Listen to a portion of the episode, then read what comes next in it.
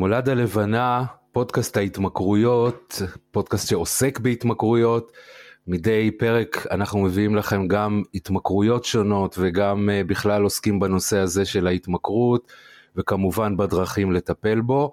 היום אנחנו בפרק 33 והנושא היום הוא התמכרות לפורנו, אבל רגע אחד עוד לפני שאני מתחיל אני באמת רוצה לתת את הקרדיט ל... לפודקסייה בניהולו של שלום סיונוב, הם אלה שאחראים בסופו של דבר לזה שזה לכל הצד הטכני ולזה שבסופו של דבר הפרק עולה לפלטפורמות ואתם יכולים גם להקשיב לו. כמו שאמרתי, התמכרות לפורנו. ישבתי ככה ב...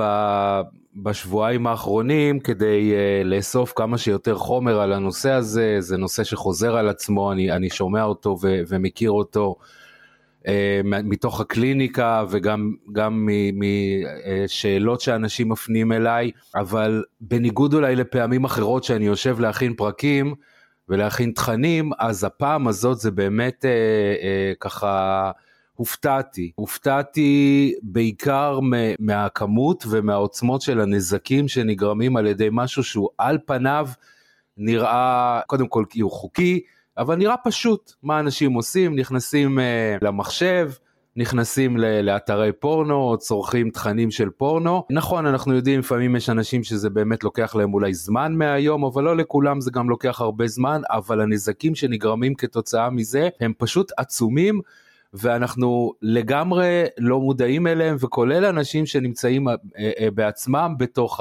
בתוך המערבולת הזאת נקרא לזה ככה, או הם לא יודעים אפילו שהם נמצאים במערבולת, אבל הם צרכנים קבועים, צורכים באופן קבוע פורנו, לא מודעים בכלל לעוצמות הנזקים שנגרמים להם, הרבה פעמים הם גם ניגשים, לטפ... סליחה, אה, הולכים לטפל בבעיות שיש להם ולא מודעים לזה שהבעיות האלה בעצם נגרמות כתוצאה מצפייה בפורנו, מצפייה קבועה בפורנו. עכשיו לא רק ה, ה, נקרא לזה האנשים עצמם, גם בעלי המקצוע הפסיכולוגים או כל, כל בעל מקצוע אחר לא מודע הרבה פעמים או שהוא לא שואל את השאלה הזאת בכלל, אבל הוא גם עלול להיות לא מודע גם אם הוא ידע שזה עד כדי כך חמור ואני, ואני הולך באמת להסביר למה זה ככה ובהמשך גם מה כל כך מושך בפורנו ומה כל כך הופך אותו.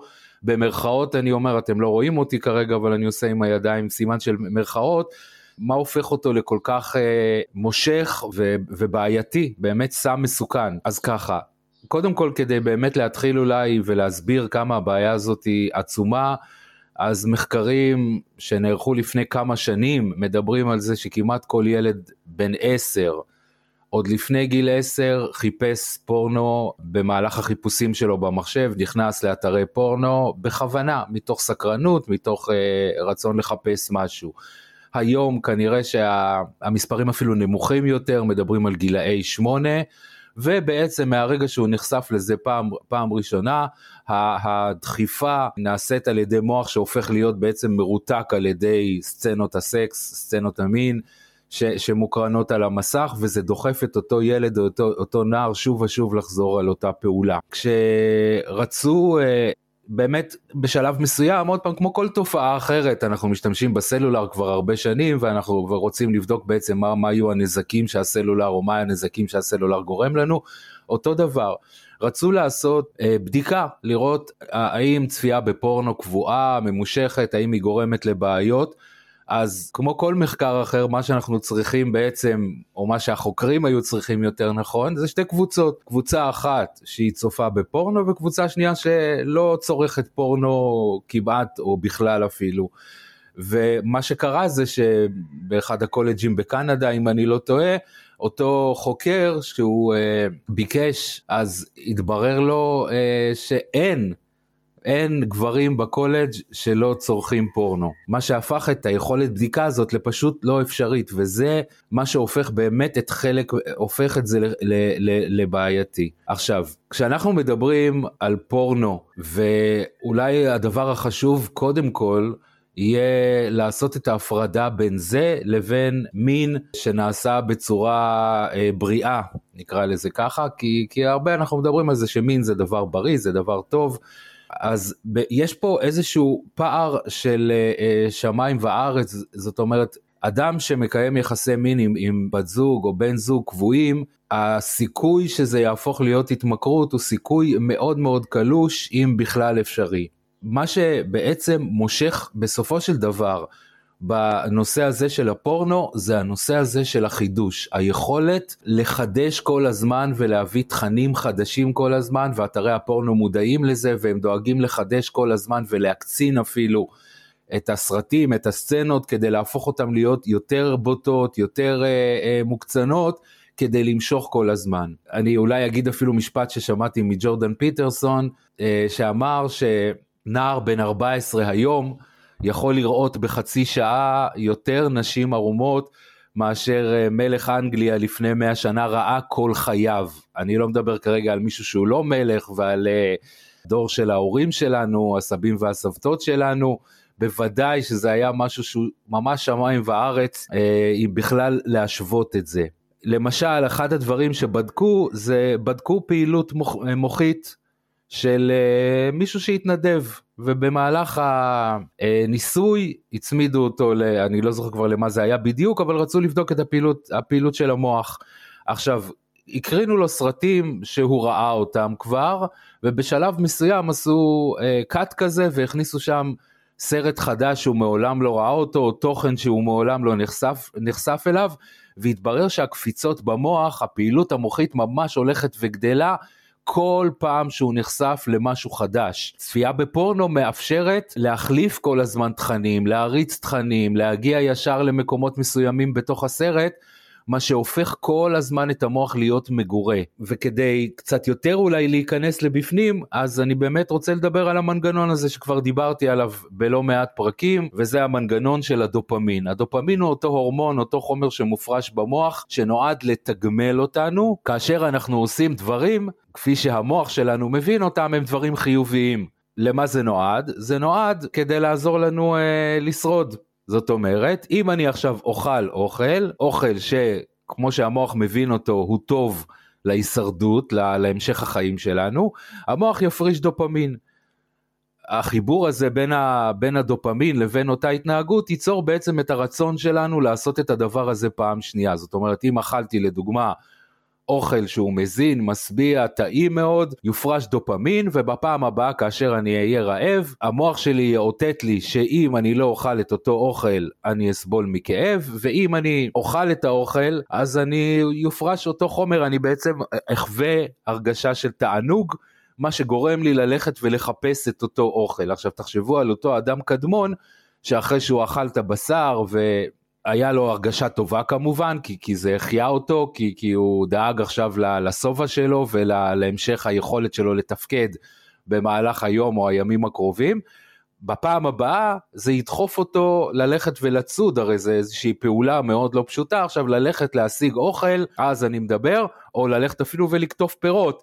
אבל הוא צריך לצאת מהבית, אולי הוא צריך טיפה להסתכן, יש איזה עבודה, ללכת להשיג את האוכל שהוא רוצה להשיג, מי שאחראי לזה הדופמין, הוא אחראי על החיבור של ההרגשה לפעולה, הוא אחראי של החיבור של החלק הקדמי של, ה, של המוח שלנו, שאחראי על התכנון, על המוטיבציה, בעצם מניע אותנו לפעולה קדימה. באותה מידה, כמו שאוכל הוא חיוני להישרדות שלנו, גם מין אחראי, חשוב להישרדות שלנו, חשוב לזה שאנחנו בעצם אה, נתרבה והעולם יישארו בו אנשים.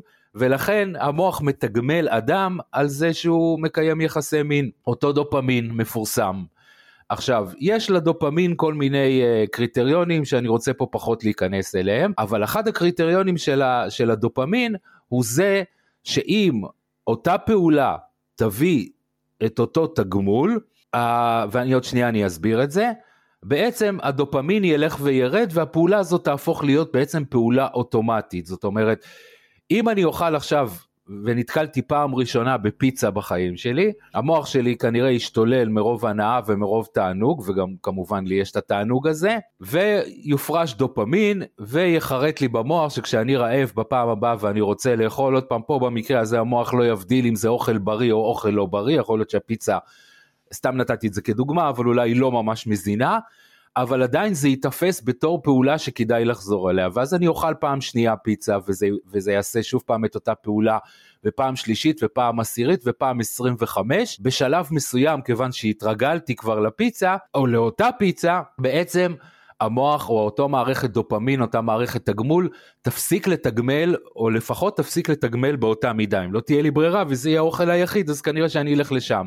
אבל אז אני ארצה או להגדיל את מנת הפיצה שלי כדי להגיע לאות, לאותה רמת תגמול, לאותה רמת תענוג, עונג, או להוסיף עליה. אני לא יודע, אולי אני אזמין תוספות אחרות, אני, אני אגדיל את התוספות, אני אעשה כל מיני דברים כאלה, ורשתות השיווק וכל מי שאנחנו זה מכירים, יודעים איך לעבוד עם זה בצורה מאוד מאוד טובה כדי לספק לנו כל פעם חוויה חדשה מאותו דבר בעצם שאנחנו מכירים. אחרת, זה בעצם יהפוך להיות כמו כל פעולה אוטומטית אחרת. ובדיוק כמו שאני לא מתרגש כל בוקר מזה שאני שותה את הקפה שלי, או אני מצחצח שיניים, או כל מיני דברים כאלה, אני לא אתרגש מעצם הפיצה הזאת, אלא היא תצטרך לעבור איזשהו שינוי. מה קורה מבחינת כל מה שקשור למין וליחסי מין? בדיוק אותו דבר. בשלב מסוים, וזה אנחנו מכירים דברים שקורים כשחיקה במערכת זוגית, אותו אדם שאנחנו רגילים אליו אותו דבר, בעצם לאט לאט הופך להיות פחות ופחות מושך, אני לא יועץ זוגי וזה התפקיד של האנשים שמתעסקים עם הדבר הזה, איך להכניס באמת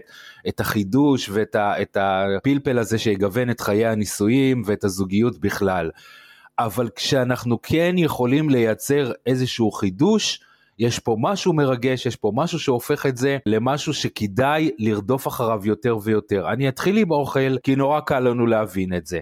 חולדות בטבע, וגם כנראה בשבי, יאכלו אוכל ככמה שהן צריכות. נדיר לנו שאנחנו רואים בעלי חיים שהם שמנים, בדרך כלל זה קורה כי אנחנו הבני אדם התערבנו וקלקלנו שמה, כלבים שהם הם, הם, אה, שמנים, אבל היא תפסיק לאכול כאשר היא מרגישה שבעה. מה קורה כאשר לוקחים חולדות ושמים אותם אה, ושמים להם, מחליפים להם אוכל כל פעם ומחליפים להם את האוכל הזה לאוכל עתיר קלוריות דרך אגב, המוח שלנו מגיב טוב לאוכל עתיר קלוריות, כי הוא תופס את זה שבשביל להיות רעבים, כדאי שנאכל אוכל שמן, פחמימות, אה, ולכן אנחנו פחות מתמכרים לחסה והרבה יותר נתמכר לצ'יפס אה, ולדברים מתוקים, כמובן סוכרים, כי הוא תופס את זה כתור משהו.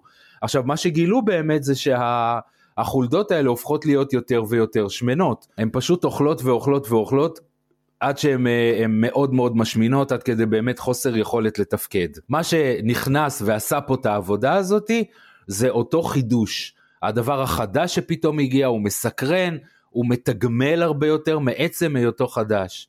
עכשיו, מה עושה לנו הפורנו? הפורנו בעצם מציב לנו יכולת, אם אפשר להגיד את זה, אז כמובן, זה, יש לזה סוף, אבל יכולת אינסופית בלגוון, בלחדש, בלהריץ קדימה, בלפתוח עוד חלונות, ממש יכולת אה, להציף אותנו ברמה של גירויים כזאתי, שהיא לעולם לא, ת, לא תהפוך להיות איזשהו סוג אוטומט, הרבה פעמים אנשים אומרים אוקיי אני אצפה ואני שמעתי את זה גם אצלי בקליניקה, אז אני אצפה כמה שעות בקליני, בפורנו, עד שממש ממש יימאס לי ואני לא אוכל יותר אה, אה, לצפות. יש איזה סיפור כזה, ראיתי את זה פעם בסרט, ש, שמישהו מספר איך אה, אבא שלו כשהוא תפס אותו מעשן בגיל צעיר גמל אותו, נעל אותו בארון, שם לו שם 30 קופסאות סיגריות, אמר לו אתה, או נעל אותו באיזה חדרון קטן כזה, אתה לא יוצא מכאן עד שאתה לא מסיים את, את כל ה-30 קופסאות האלה, והוא מספר שאחר כך זהו, הוא לא היה מסוגל יותר אה, אה, לעשן כל חייו. אבל כאן יש משהו שאנחנו כאילו לעולם לא נתרגל אליו, זה מציף את המוח שלנו בכמויות אדירות אה, אה, של גירויים שהמוח שלנו פשוט לא מכיר אותו. תחשבו על הדורות של ההורים שלנו, אני לא יודע ככה, אתם המאזינים, מאזינות, בני כמה אתם, אבל אם לא, אז תלכו לסבא, אם אתם צעירים מדי, אז תלכו לסבא וסבתא, אבל אנשים, הייתה להם מערכת יחסים אחת, הם הכירו מישהי, התחתנו איתה, חיו איתה, כמעט עד סוף חייהם, אולי לחלק פה ושם היה איזשהו רומן מחוץ לנישואים, שתיים, היה שני רומנים, שלוש. היכולת פה היא יכולת שהמוח האנושי שלנו כבני אדם פשוט לא מכיר. ואני אתן את זה עוד פעם, אני אחזור חזרה לאותם בעלי חיים והניסוי הזה נעשה גם על ידי חולדות וגם על ידי אייל, על איילים ועל כל מיני בעלי חיים אחרים והתוצאה תמיד הייתה אותה תוצאה. ו- וזה בדומה לאוכל שדיברתי קודם, כאשר זכר, אני מדבר כרגע על בעל חיים, פוגש נקבה שהיא מיוחמת, זאת אומרת שהיא כרגע מוכנה מבחינה טבעית, ביולוגית, להיכנס להיריון, מתעורר בו אינסטינקט, זה אפילו אה, אה, לא בחירה שלו, להפרות אותה, בעצם להזדווג איתה, והוא ימשיך הלאה. עכשיו, מה קורה בין פעם לפעם? אני אסגור עכשיו שני כלבים, כלב, כלבה מיוחמת וכלב זכר בחדר, הוא יעשה את זה, הכלב אה, יזדווג איתה פעם אחת, תהיה הפסקה עד שהוא יהיה מסוגל לאושש את עצמו, הוא יעשה את זה פעם שנייה בשלב מסוים, שוב פעם הוא יצטרך את זמן ההתאוששות שהפעם הזמן הזה יגדל, פעם שלישית, עכשיו התברר שכאשר בעל חיים זכר נמצא עם אותה נקבה בתוך מקום סגור, הזמנים בין היכולת שלו להתגרות מינית בפעם הבאה הולכים ועולים. היכולת שלו להגיע לאורגזמה הולכת ועולה, זאת אומרת כל פעם הוא צריך יותר זמן כדי להגיע ל- ל- לאורגזמה מינית. עכשיו, אז את אותו ניסוי עשו, ומה שעשו לקחו פשוט מגוון, לקחו כמה נקבות.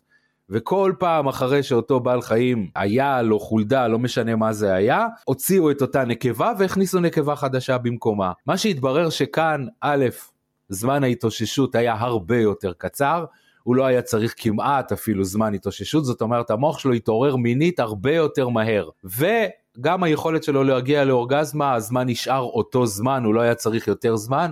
שוב פעם, המימד הזה של החידוש, לא סתם עכשיו חפרתי לכם בראש במשך אני לא יודע כמה דקות, על בעלי חיים ועל על, על, על טקסי ההזדווגות שלהם, אלא באמת זה נועד ללמד אותנו איך, איך המוח שלנו עובד.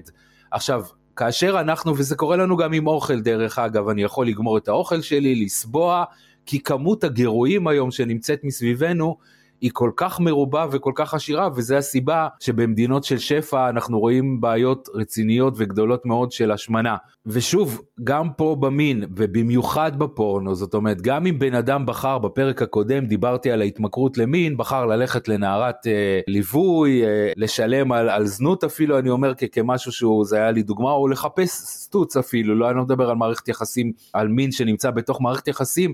עדיין הזמן הזה שהוא צריך כדי שיהיה לו כסף ולצאת החוצה ולפגוש את אותו, אה, אה, את אותה או את אותו אדם, אותו בן או בת הזוג שהוא רוצה לפגוש, כל זה לקח זמן. היום, כשאני מבדיל את זה, זה לא היום כל כך, אבל אני מדבר על הפורנו, זה קורה הרבה יותר מהר והבן אדם חשוף בעצם למערכת גירויים אינסופית כמעט, מה שהופך את זה באמת למשהו שאפשר לחזור על זה פעם. דרך אגב, לגבי אותו בעל חיים שדיברתי, פספסתי כמעט את הנקודה הכי חשובה, השלב שבו הוא הפסיק היה השלב שבו הוא פשוט היו, היה מותש ולא היה מסוגל לעמוד על הרגליים. עד אז הוא המשיך. לא היה לזה קשר, ככל שהכניסו יותר נקבות חדשות לתוך הכלוב שלו, הוא פשוט המשיך. וכאן יכול באמת לקרות גם מצב דומה, וגם אם זה לא, אז אוקיי, אחרי חצי שעה סיפורים שאני מכיר ושומע, להיכנס שוב לפורנו, ובטח ימי יום אחרי יום לעשות את זה, להפוך את זה לפעילות יומיומית, מה שלא תמיד אפשרי. והרבה פעמים פחות מושך כאשר זה נעשה במערכת, בתוך מערכת יחסים או במין בכלל. ולכן זה הדבר שהופך את זה לממכר, עוד לא דיברתי על הנזקים שנגרמים כתוצאה מעודף הגירויים האלה. עכשיו, אם אני אעשה עכשיו השוואה בין מה שקורה כאשר, ודיברתי על זה לפני רגע, בין אה, מין אמיתי, נקרא לו ככה, לבין מה שקורה בפורנו. דרך אגב, מה שקורה זה שהמערכת הדופמין שלנו לא מבדילה בין מין טבעי אה, עם פרטנר אמיתי לבין אה, אה, זה שאני כרגע מתעסק עם, עם לפטופ או עם אה, טלפון נייד או עם סמארטפון. עכשיו, כאשר אנחנו מדברים על, על התהליך הטבעי שקורה, אז בתהליך הטבעי אני תמיד השלב הראשון יהיה שלב של החיזור אחרי שראיתי את זה או את זו שמצא חן בעיניי אני אגש ואני אחזר יגיע שלב של מגע ושלב של כמובן לחוות מגע יגיע שלב שבו אה, הריחות והפרומונים שמשתחררים נכנסים לתוך המערכת הזאתי בעקבות זה נוצר חיבור רגשי, ובעקבות החיבור הרגשי אנחנו בעצם תיווצר האינטראקציה המינית עם האדם השני. זאת אומרת, זה תהליך אתם יכולים להבין, זה לא קורה בדקות ו- ולפעמים זה לא קורה אפילו בשעות או בימים, אבל זה תהליך מאוד ארוך, החיזור, המגע, הריחות, הפרומונים שמשתחררים, החיבור הרגשי והאינטראקציה עם האדם אחר, עד באמת לקיום של, של יחסי מין עצמם. מה שקורה בפורנו, יש קודם כל איזשהו טריגר רגשי מסוים, זה יכול להיות תחושה כזאת של בדידות, שעמום, אני מרגיש לבד, ריק לי מבפנים, מגיע הרצון הזה למציצנות הזאת, אני רוצה לראות מה נמצא שם במסך. הקלקה על העכבר, חיפוש, זה לוקח כבר הרבה יותר מהר ממה שתיארתי קודם, ואותו אדם, דרך אגב זה נכון גם לגברים וגם לנשים, זה נכון שאנחנו מוצאים את זה הרבה הרבה הרבה יותר אצל גברים, אבל זה נכון גם לנשים, פותח כרטיסייה אחת או אפילו כדי להגדיל את, ה, את הגירוי אז הוא יפתח כמה כרטיסיות כאלה. המעבר מסרט לסרט אם סרט אחד לא מספק לי את הדבר הזה אני עובר לסרט השני או אני עובר אפילו באותו סרט לסצנה אחרת או קדימה. כל הזמן אני אצור חדשנות קבועה והלם, הפתעה, כמובן ברוב המקרים בדרך כלל יהיה שם גם אוננות וגם אורגזמה, אבל שוב, היכולת לחזור לזה אפילו, לעוררות המינית מהר יותר, קודם כל כל התהליך הזה יכול לקחת דקות, וגם אם בן אדם מושך אותו, אנחנו עדיין נמצאים בטווח יחסית קצר, והיכולת מחדש להדליק את כל המערכת פעם שנייה, וכאן אני אדבר על להדליק, כוונה ליצור עוררות מינית בפעם השנייה, היא הרבה הרבה יותר מהירה, כי עוד פעם, שוב פעם, זה נמצא במרחק. של חלון אחד, הקלקה אחת, שורת חיפוש אחת, והנה אנחנו נמצאים שם בפנים. מה כל כך רע בזה? אה, אז קודם כל אני אגיד ככה בעוד במאמר מוסגר לפני שאני, לפני שאני אחזור לנושא שבארצות הברית אני לא זוכר את המיקום המדויק, אבל ארבע ההתמכרויות הנפוצות, בתוך ארבעת ההתמכרויות הנפוצות ביותר, שנדמה לי שמדובר בגראס, אלכוהול, פורנו וכדורים, אה, תרופות מרשם, פורנו מופיע בתוך, בתוך אחת מארבע הראשונות. זה עוד פעם, זה גם די מובן, כן, זה חוקי, זה נפוץ, זה נמצא בכל בית, זה נורא נורא מהיר. אבל הנה, כאן נוצרה בעצם הבעיה. איך אנחנו יודעים בעצם על הנזקים שנגרמים לזה, ותחשבו על זה שגם אם נגרמים נזקים, אנחנו רואים אותם כמשהו שהוא די בילט אין, תחשבו שיהיה לנו מאוד קשה, בוא נגיד ועכשיו כל האוכלוסייה הייתה אה, מתחילה לעשן, או אני אלך אפילו למשהו יותר פשוט, כל האוכלוסייה אוכלת בשר שמן מאוד מגיל מאוד מאוד צעיר, כולם אוכלים, ואז יש בשלב מסוים התקפי לב, ובשלב מסוים יש, אה, אה, לא יודע, חסימות בעורקים, וכל מיני דברים. אבל מי אמר שאנחנו בכלל נייחס את זה לבשר? כי אין לנו שום קבוצת מדגם שאנחנו יכולים לקחת אותה ולהגיד למה זה קורה פה וזה לא קורה פה, אבל אנחנו נוכל ללכת למשל למדינות שבהם הבשר הוא פחות נפוץ, אני לא יודע, מדינות באפריקה שאין שם כסף, סתם נתתי דוגמה, אני לא בטוח שזו דוגמה נכונה, או אני אוכל לקחת צמחונים או טבעונים ולהגיד אוקיי, אם לאלה יש פחות התקפי לב ופחות uh, בעיות של כולסטרול או כל מיני דברים כאלה, אז הנה אני כבר יכול להגיד שאולי יש פה כבר משהו כזה, אבל קשה מאוד כי כמעט כנראה כל האוכלוסייה צופה מגיל צעיר יחסית, בוודאי כשמדובר בגברים. אלא מה? שבשנים האחרונות uh, כן התחילה תופעה של יותר ויותר גברים שמפסיקים את השימוש בפורנו. פורנו. וכאן ממש אני אדבר על, על אה, כן, על, על קבוצות גדולות של אלפי גברים שמפסיקים את השימוש בפורנו, וכאן במשך הזמן, כמובן כשניתן לזה לא ביום הראשון ולא ביום השני, אבל כשניתן לזה יותר זמן, תהיה לנו כבר קבוצה שאנחנו נוכל לבדוק אותה. למה גברים יפסיקו מיוזמתם את, ה, את הצפייה בפורנו? אז, וזה כבר לוקח אותנו לאחת הבעיות. באופן מאוד טבעי כנראה ופשוט הם שמו לב שהם סובלים מחוסר תפקוד מיני והם ייחסו את זה אל הפורנו והפסיקו מיוזמתם. עכשיו כאן כבר באמת כבר גילו באמת את הנקודות של דיכאון שעבר אנחנו עוד פעם מדברים על זה שאותם גברים סבלו בעבר מדיכאון והדיכאון הזה הפסיק ואז אנחנו יודעים שכנראה הפורנו אחראי, אחראי לזה. שוב, אם המטרה של המוח שלנו תהיה לייצר עבורנו, אני קצת מסביר לגבי הדיכאון, תהיה לייצר עבורנו איזשהו אה, אה, חיבור רגשי, זאת אומרת אני מרגיש לבד ואז אני נכנס לתוך אותה פנטזיה של הסרט, אני כבר לא לבד, אני בתוך איזושהי פעילות מינית. בסופו של דבר כשזה ייגמר אז מעבר אולי לבושה ומעבר אולי לחלק מהאנשים יש גם אשמה, אני לא, אני לבד, נשארתי לבד, זה לא אמיתי, זה לא מספק את מה שמערכת יחסים טובה ובריאה יכולה לספק, ומכאן זה באמת עלול גם להביא לדיכאון, חרדה חברתית. כאשר אנחנו נמצאים באינטראקציה חברתית, בין אם אנחנו טובים בזה ובין אם אנחנו פחות טובים בזה, לא כולם טובים בלהתחיל עם נשים בבר או בכל מקום אחר, אבל אנחנו נפתח יכולות חברתיות, אנחנו כבר מגיל 10, 12, 14, אולי קודם, אנחנו אה, מנסים להתחיל עם זאת שבכיתה, מנסים ליצור חברויות, זוגיות, אנחנו מפתחים את הכישורים החברתיים שלנו בדיוק כמו שאנחנו מפתחים אותם בין בנים, אז זה מתפתח גם כמובן בין בנים לבנות וההפך. מה שקורה כאן שאני לא מפתח כי כל פעם שתתעורר בי אותה עוררות מינית עד שאני אלך להיא מהכיתה ליד ועד שאני אשאל אותה אם בא לה לבוא איתי היום לסרט ויכול להיות שגם אני אספוג אכזבות אני מעדיף להיכנס אל, ה, אל הסמארטפון, אל, ה, אל המחשב, אז כמובן שכשזה הולך ומעצים, חרדה חברתית, ליקויים בזיכרון, שוב, אני לא בדיוק יודע להסביר בדיוק מה, אבל כנראה עוד פעם, כל העודף ריגושים הזה וכל העודף שאנחנו מעמיסים על המוח שלנו, דבר שהוא לא רגיל אליו, הפרעות של קשב וריכוז ו-ADHD, אה, היפראקטיביות גם, נגרמות, וזה אנחנו יודעים היום בעקבות אותה קבוצה שוב פעם, כתוצאה מהפעלה של המוח בריגושים שהוא לא בנוי אליהם, לא רגיל אליהם וכנראה לא מסוגל לעמוד בהם. ואנחנו בעצם מתחילים אותם גם, כמו שאמרתי קודם, בגילאים מאוד צעירים. עכשיו, אני רוצה באמת ככה רגע לפני שאני מסיים, ומדבר על זה, אז אלה חלק מהנזקים, אתם תוכלו גם לקרוא על זה במקומות אחרים, אולי אני אעלה גם פוסט בנושא הזה, אבל כשאני באמת שמעתי את זה, זה, זה באמת הכניס אותי ככה לאיזשהו שוק. והלם למרות שאני שנים כבר בתחום הזה של ההתמכרויות ושנים אני מטפל גם בהתמכרות למין כמו שאמרתי בפרק הקודם אני בעצמי עברתי טיפול ב, ב, בתחום הזה. זה, זה הימם אותי לגמרי כי זה משהו מעולם אחר לגמרי והזמן התאוששות לוקח זמן התאוששות כדי להחזיר את המוח לתפקוד תקין יחסית אז אני רציתי באמת ככה, אחד הדברים שהתחלתי עם ג'ורדן פיטרסון ואני אביא אותו כאן עוד פעם, הוא אומר שאחד הטובות הגדולות שבן אדם יכול לעשות לעצמו זה להפסיק לצפות בפורנו. אז ככה, אני באמת אסיים ב- בסיפור על, על ככה בחור שהיה בטיפול פסיכולוגי, דיברתי איתו, לפני שהוא הגיע אליי הוא היה בטיפול פסיכולוגי ארוך.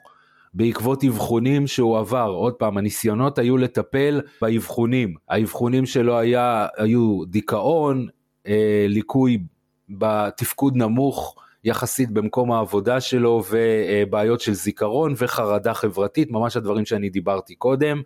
הוא נשר מהלימודים כמה פעמים, ניסה לחזור ללמוד ונשר שוב ושוב, הוא פוטר מכמה מקומות עבודה עד שהוא הגיע אליי. כשהוא הגיע אליי בגלל הרגישות שלי ובגלל שכנראה גם הוא שם לב לזה, עוד פעם הוא לא פנה אליי סתם, הוא פנה אליי כי אני מטפל בהתמכרויות.